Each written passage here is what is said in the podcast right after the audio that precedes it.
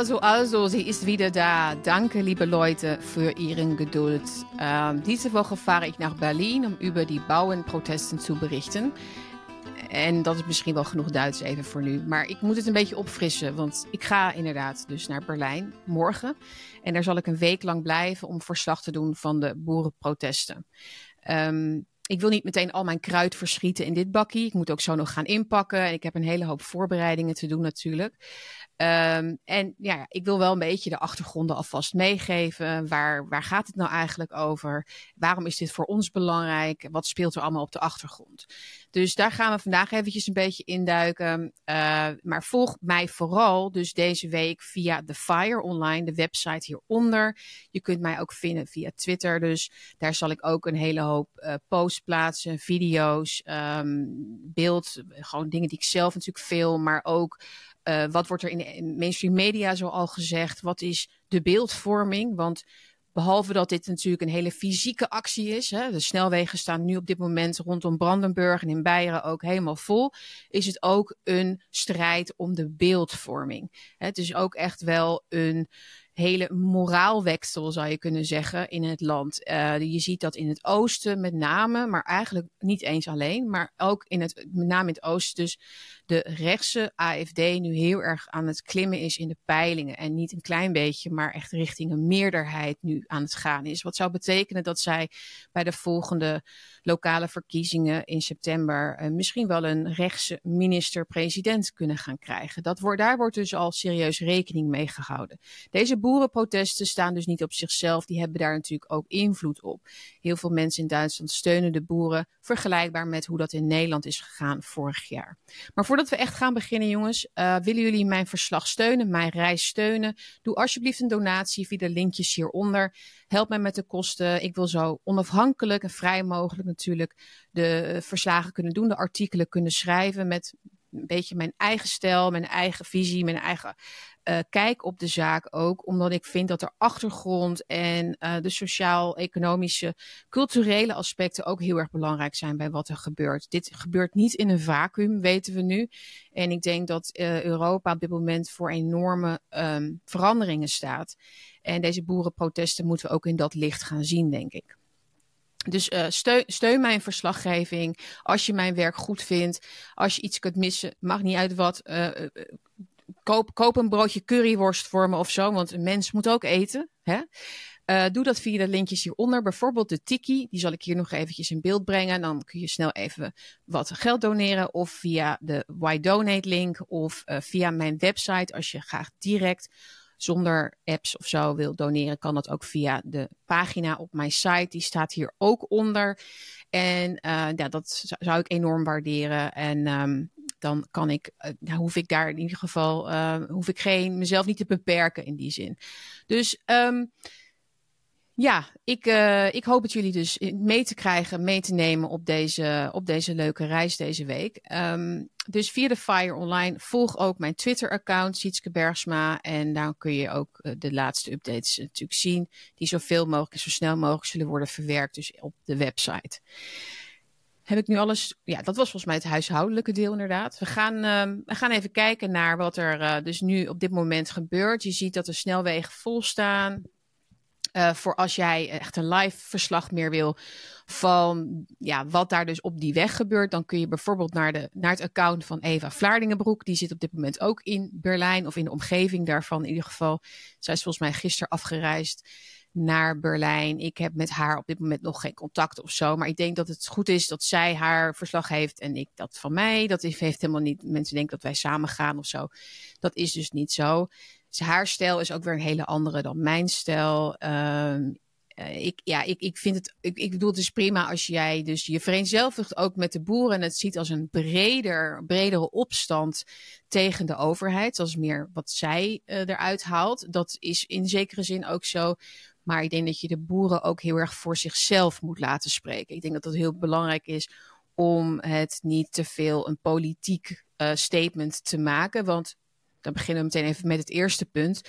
Uh, de, je hebt een aantal boerenorganisaties natuurlijk. En de een is wat wakkerder, of hoe zeg je dat, is meer ook in het bredere licht aan het kijken van hoe worden wij benadeeld. En, maar sommige organisaties zijn heel erg gematigd. Of die zijn juist uh, van wij willen helemaal niet tegen de overheid strijden. Wij willen letterlijk om de tafel. Wij willen duidelijk maken dat de maatregelen die worden genomen tegen ons, die ons benadelen, dat we die van tafel willen en willen dat in op een constructieve manier doen. Nou, als je het mij vraagt, inderdaad, is dat station eigenlijk natuurlijk al gepasseerd met de huidige regeringscoalitie, de Ampelcoalitie. dus daar zitten de, de SPD in, de Groenen en de Liberalen. En die hebben de laatste jaren laten zien dat de boeren eigenlijk uh, achteraan de rij staan wat betreft uh, de belangen die worden behartigd in het land. Dus dat is een, um, een constatering die je gewoon moet doen. En ik denk dat de strijd tegen de overheid inderdaad niet um, overdreven is. Al moet dat natuurlijk geweldloos gaan. Maar daar, daar zijn eigenlijk alle organisaties. Sorry hoor. En daar zijn eigenlijk alle organisaties het ook over eens. We hebben wel gezien natuurlijk een paar dagen geleden dat uh, Robert Habeck, dat is um, de, uh, van de Groenen, die, die, die minister van Economische Zaken, dat hij werd belaagd door een groep boeren, althans activisten. Dat was niet helemaal duidelijk, maar het kwam vanuit de boeren in ieder geval. Werd belaagd nadat hij aan land wilde komen met, zijn, met een veerboot vanaf zijn vakantieadres. Uh, hij, moest dus, uh, ja, hij moest dus weer terug. De boot kon niet aanmeren omdat hij zich bedreigd voelde door die groep mensen die met hem in contact wilden. Ze wilden met, met hem spreken en dat werd een beetje grimmig. En daar zijn ook beelden van. Dus dat is natuurlijk door de media heel erg gebruikt om te laten zien van kijk, dit, gaat helemaal niet over vreedzaam protesteren. Dit is een bedreiging voor de democratie. Deze mensen zijn geweldbereid, ze zijn uh, boos, ze zijn kwaad, ze zijn dit loopt uit de hand, dit radicaliseert. Maar ik moet eerlijk zeggen dat, dat de, de reacties daarop vrij. Um, ja, de media hebben daar natuurlijk op die manier over bericht. Maar het slaat niet heel erg door. Dus mijn indruk is wel dat de Duitse organisaties, de boerenorganisaties dus, uh, heel erg duidelijk communiceren naar buiten toe hoe ze erin staan, wat, wat precies hun strijd is. En dat dat vooral gaat dus om het van tafel krijgen van die maatregelen. Het gaat dan met name over de belastingverhogingen waar Duitse boeren door in de knel raken, omdat ze dus hun productiekosten daarmee niet kunnen dekken. En zij zien een langer jaren probleem daarin, omdat die belastingen steeds meer omhoog worden geduwd. Hoe zeg je dat? Worden verspreid over meerdere jaren. Dat, daar zal ik later dus ook nog verder op terugkomen, hoe dat precies zit eigenlijk met die belastingen. En ze voelen zich ook de kop van Jut. Want waarom krijgen zij uh, hogere lasten? Is voornamelijk omdat Duitsland zijn huishoudboekje niet op orde heeft. Omdat er een uh, schuld is, of althans niet meer schulden gemaakt mogen worden om de begroting rond te krijgen voor de klimaatplannen onder andere en voor de Oekraïne-steun. En daarom eh, worden de boeren hier eigenlijk dus weer ja, gebruikt of de dupe van die hoge kosten, die klimaatkosten. En dat is natuurlijk in geen enkele verhouding meer. Dus dit gaat inderdaad over een heel um, fundamenteel, fundamenteel punt van wij Duitsers willen voedsel kunnen verbouwen. En al het geld wat gaat naar het buitenland of naar abstracties als het klimaatprobleem, dat uh, gaat uiteindelijk natuurlijk de Duitse bevolking nu opbreken. Nog afgezien van immigratie en al die andere issues die ze daar natuurlijk daar hebben. Um, wat is er bijvoorbeeld ook aan de hand met de Duitse industrie? Hè? Want die hebben ook enorm te lijden de afgelopen jaren eigenlijk onder de hoge bezuinigingen en de hoge gasprijzen onder andere.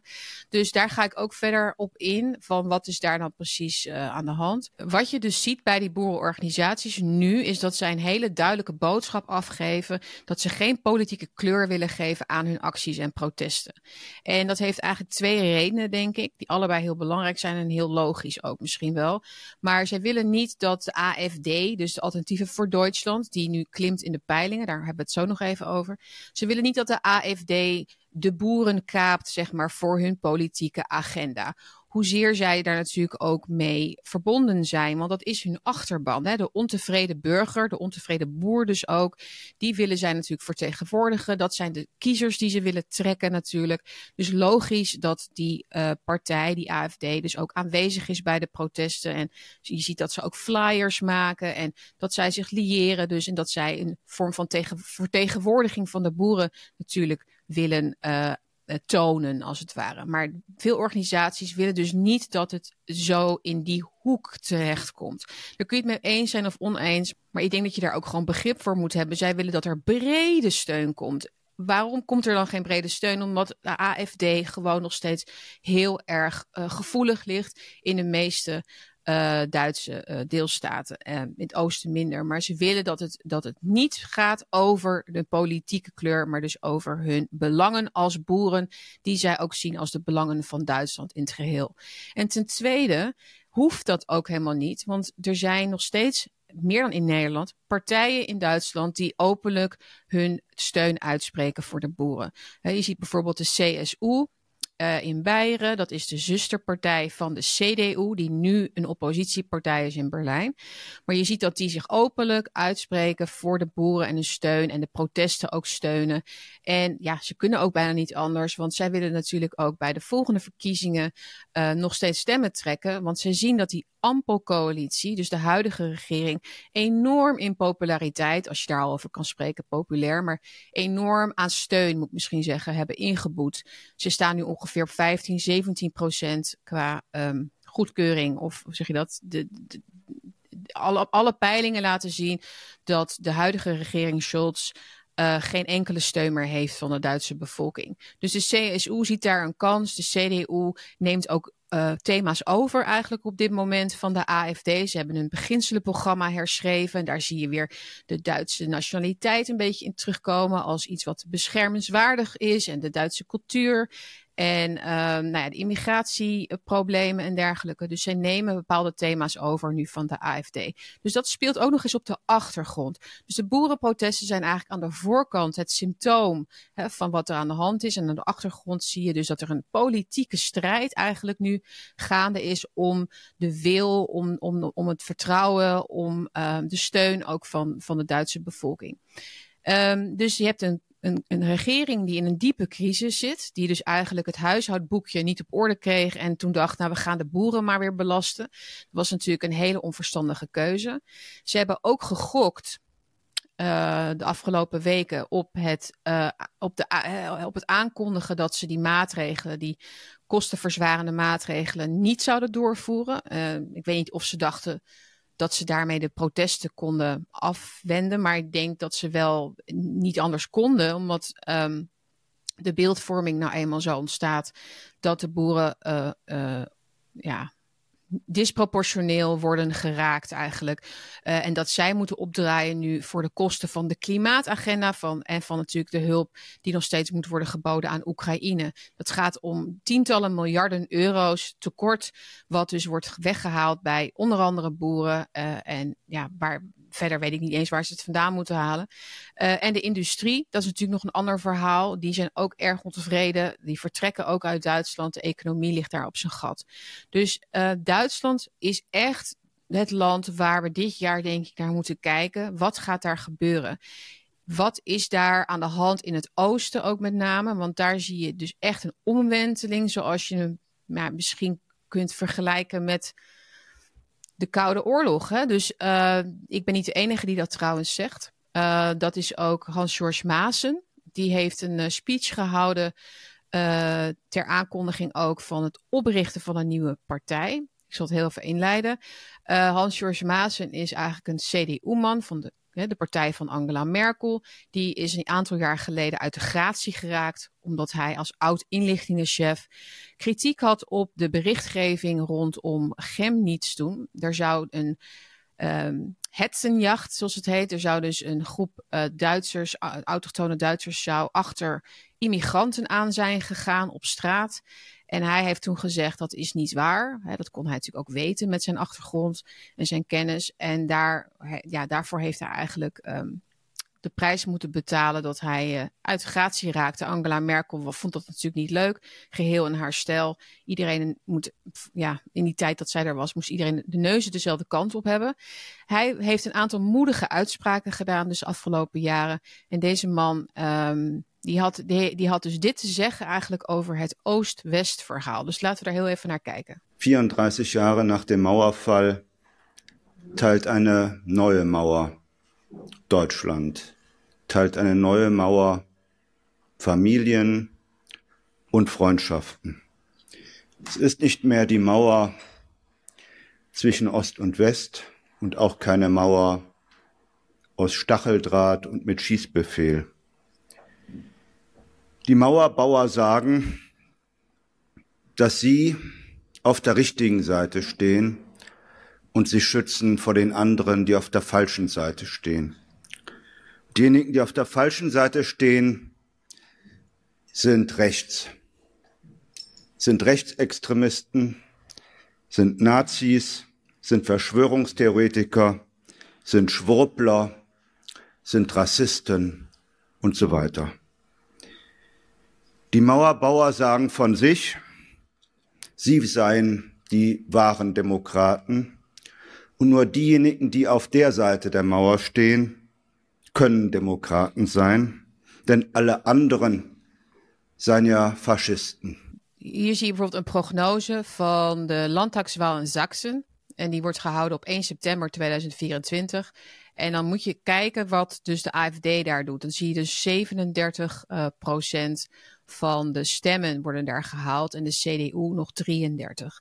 De, regering, de, de, de, regeringspartijen die verliezen dus enorm. Dit is niet een klein beetje. Dit is niet zoals in Nederland dat de VVD dan nog best wel hoog scoort. Of uh, dit is echt, nou ja, het is vergelijkbaar eigenlijk met de val van CDA en D66. En de P van de A natuurlijk. Hè. Dus de P van de A is hier dan de SPD. Dan zie je dus nog maar 3 procent. Dus die zijn weg. Die zijn gewoon letterlijk weggevaagd. Die komen dan niet eens meer aan de macht daar of überhaupt in de oppositie. Die, uh, die komen met die kiesdrempel dan niet eens meer in het, in het deelstaatparlement. Dus waarom stemmen dan nog veel mensen wel op de CDU? Dat zijn veel, veelal ouderen die uh, denken of geloven dat, er dus, dat daar dus de oppositie zit op dit moment. CDU is nu een oppositiepartij, dus je ziet dat Duitsland nu echt oppositie aan het stemmen is. Dus of het nou rechts is of iets middenrechts als het CDU. Uh, de, de, huidige regering in ieder geval uh, verliest uh, bijna alle zetels. Ja, deze meneer uh, volg ik al een aantal jaren met belangstelling, omdat daar altijd wel verwachtingen lagen al van wat gaat Hans-George Maassen doen in de toekomst. Want zijn kritiek werd eigenlijk steeds fundamenteler en nu heeft dat dus geleid tot een afsplitsing van de CDU met zijn Werten-Union. En daar wordt, daarvan wordt verwacht dat die ook heel veel stemmen zullen gaan trekken. Dus niet alleen maar vanuit de CDU, maar misschien ook wel vanaf, vanuit de AFD. Dus de kritiek is daar weer van, ja, nu wordt rechts weer uit elkaar gespeeld. Hè? Dus dan krijgen we twee rechts conservatieve partijen. En dan, ja, dat gaat ten koste van de AFD. En gaan die dan wel met elkaar samenwerken? Nou, anders dan in Nederland uh, is um, Hans-George Maassen dus niet een soort Pieter Omtzigt. Want hij heeft al meteen gezegd, ik ga met iedereen om de tafel zitten. Uh, dus eh, van die linken tot aan de AFD. Ik sluit helemaal niemand uit. Dus dat is ook heel interessant om in de gaten te houden. Dit, dus zij willen echt af van die brandmauer, zoals het heet. Um, die brandmauer is eigenlijk dus de, de uitsluiting van de partijen als de AFD, omdat zij dat echt zien als een, als obstructie van de democratie. En ik denk ook omdat ze weten dat de tijd rijp is om daadwerkelijk een machtswissel te gaan krijgen in, uh, in Duitsland. Um, Hans-George Maas is natuurlijk wel een stuk gematigder dan de AFD. Um, echt een CDU-man, dus lang, jarenlang kritiek op de partij, maar nu doorhebben van ja, dit gaat niet meer veranderen. De timing van het oprichten van die Werteunion is dus heel erg logisch als je het zo bekijkt.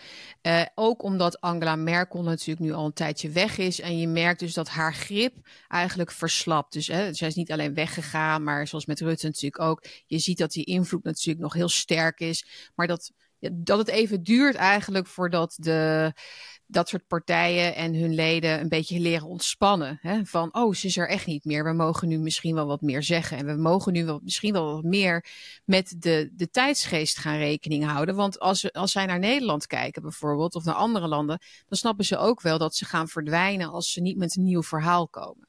Dus of de CDU met een nieuw verhaal kan komen is de vraag. Maar in ieder geval, die Werteunion die neemt dus een stapje verder en die gaat dus uh, zich afsplitsen op die manier. De CDU probeert dat dus wel ook met een nieuw beginselprogramma, wat ik al zei. Uh, maar het is heel duidelijk dat ze dus uh, bang zijn. Ze zijn bang dat, um, dat, dat, ze, dat hun verhaal, een oude verhaal, dus niet, niet meer zal werken. Dus dit is even de achtergrond. Zal ik ook later deze week uh, wat uitgebreider bij stilstaan, denk ik. Maar dit is ongeveer waar de huidige macht mee te maken heeft. Dus het totale verlies van steun en de boeren die zichtbaar maken wat er speelt. Ja, we kunnen het nog meer over hebben. Ik zag ook nog wat vragen voorbij komen op X van mensen die zich afvroegen of ze deze demo's uh, deze week niet gewoon weer gaan verbieden. Of met waterkanonnen opleuken. Of met afzettingen en dergelijke. Zoals we ook hebben gezien toen met de coronademo's in Berlijn, waar ik toen ook bij was. Maar daar ziet het op dit moment nog niet naar uit. Ik hou daar wel serieus rekening mee natuurlijk. Want ja, als iets uit de hand loopt, dan zullen ze dat wel doen. Maar ik denk dat op dit moment de overheid denkt van ja, willen de, die goodwill, die we eigenlijk al niet meest meer hebben, natuurlijk niet helemaal verliezen. Uh, door op voorhand al dit uh, te gaan verbieden. En dat wordt ook gesteund eigenlijk, dat gevoel bij mij, uh, met de uitspraak van het Hoge Rechtshof van afgelopen weekend van Berlijn-Brandenburg. En die rechtszaak volgde eigenlijk op de oproep van de politie daar om de demonstraties op de snelweg, uh, de blokkades te verbied, verbieden wegens gevaarlijk. Nou, die rechter heeft gezegd, het mag wel gewoon doorgaan. Demonstratierecht is belangrijk. En de enige eis die eigenlijk werd gesteld was dat de ambulance en de brandweer er door zou kunnen. En daarop uh, zou een bouwenfunctionair in die zaak hebben gezegd van politie en Rettungswagen kunnen jederzeit door. Dus dat hebben die boeren goed met elkaar afgesproken. Dus dat er geen levens in gevaar mogen worden gebracht. Dus dat er altijd ruimte is dus voor de hulpdiensten. En dus het voelt als goed georganiseerd. Het voelt als goed met elkaar afgestemd ook. Er is heel wat aan vooraf gegaan. Deze demonstraties zijn natuurlijk ook al een paar weken geleden aangekondigd. Uh, dus je ziet dat de organisatie heel erg uh, goed op orde is. De vraag is natuurlijk inderdaad van wat gaat het allemaal, wat komt er allemaal nog bij? Hè? Dus wat voor mensen gaan er op de been komen de komende weken.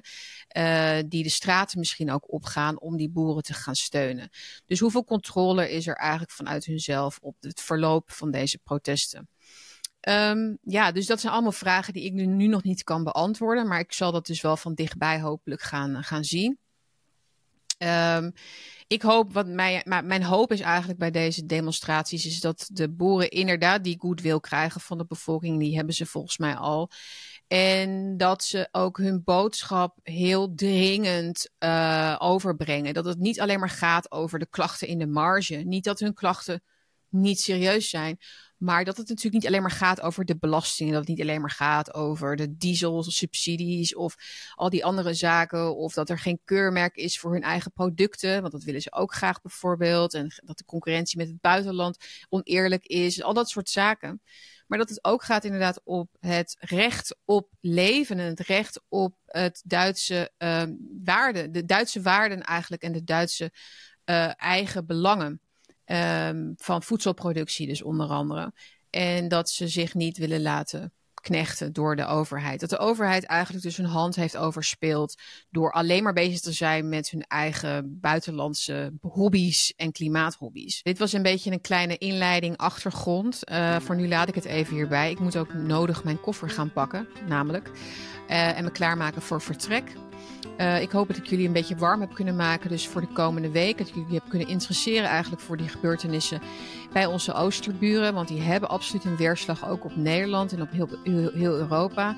Uh, en misschien ook sowieso fijn om even uit je Nederlandse nieuwsbubbel te komen. En te kijken wat er nog, nog, zoal nog meer speelt. Dus volg mij via Instagram, Sietske Bergsma ook. En natuurlijk Bakkie met Bergsma, dit kanaal waar ik ook op zal posten. Video's onder andere. Uh, en uh, de Fire Online, waar zoveel mogelijk alles zal worden verzameld. Dat jullie in één oogopslag een goed beeld hebben van wat er zoal speelt.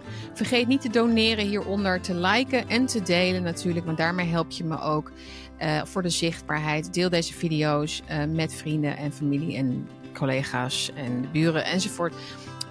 Want het is interessant, denk ik, om te delen in onze ervaringen van deze tijd. Dus dank jullie wel voor het kijken en bis bald in Berlin. Tschüss.